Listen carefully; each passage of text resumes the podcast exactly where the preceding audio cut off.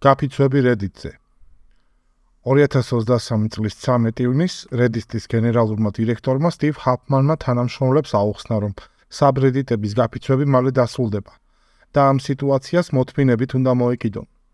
მისი აზრით, ამ უსიამოვნო სიტუაციის გამო ბევრი ხმაურია ატეხილი და იმაზე მეტი ვიდრე ის მოელოდა. მიუხედავად ყველაფრისა, ის არ შეცვლის გადაწყვეტილებას API-ზე წტომა გახდეს ფასიანი. ჰაპანი ამბობს, რომ გაფიცვამ ვერ იქონია სერიოზული გავლენა კომპანიის შემოსავლებზე.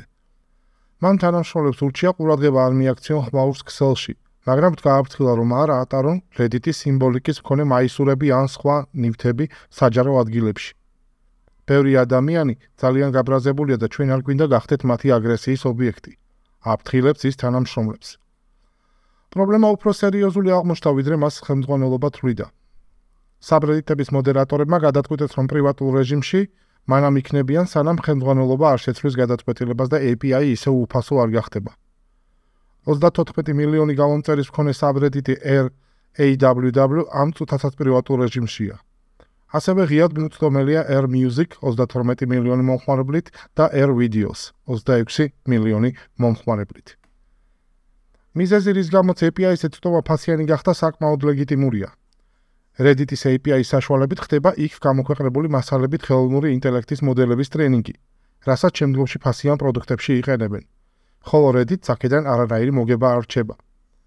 ამ გადაწყვეტილების გამო ცალკე პროდუქტების მწარმოებლებმა მათი პროდუქტები უნდა გახადონ ფასიანი ან დაიხურონ. მაგალითად, სერვისი Apollo 2023 წლის 30 ივნისს დაიხურება. იმიტომ რომ ახალი წესებით მათ წელიწადში 20 მილიონი დოლარის გადახდა მოუწევთ Reddit-ისთვის.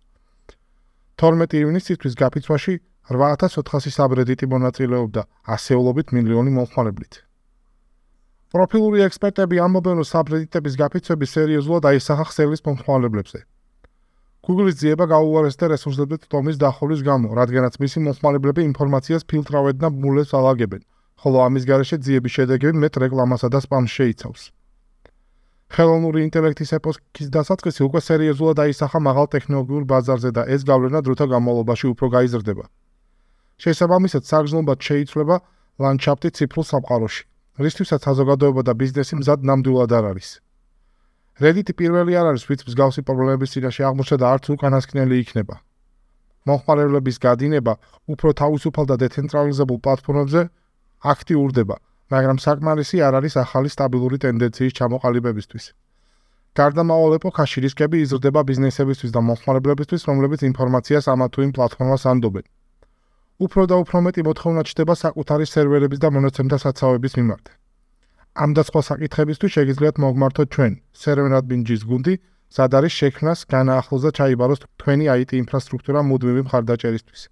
ამისათვის უბრალოდ მოგწერეთ ელფოსთან, მოგწერეთ ჩვენს Telegram ჯგუფში. ასევე არ დაგავიწყდეთ პოდკასტების გამოწერა და გამოშვების გაზიარება სოციალურ ქსელებში. მადლობა ყურადღებისთვის.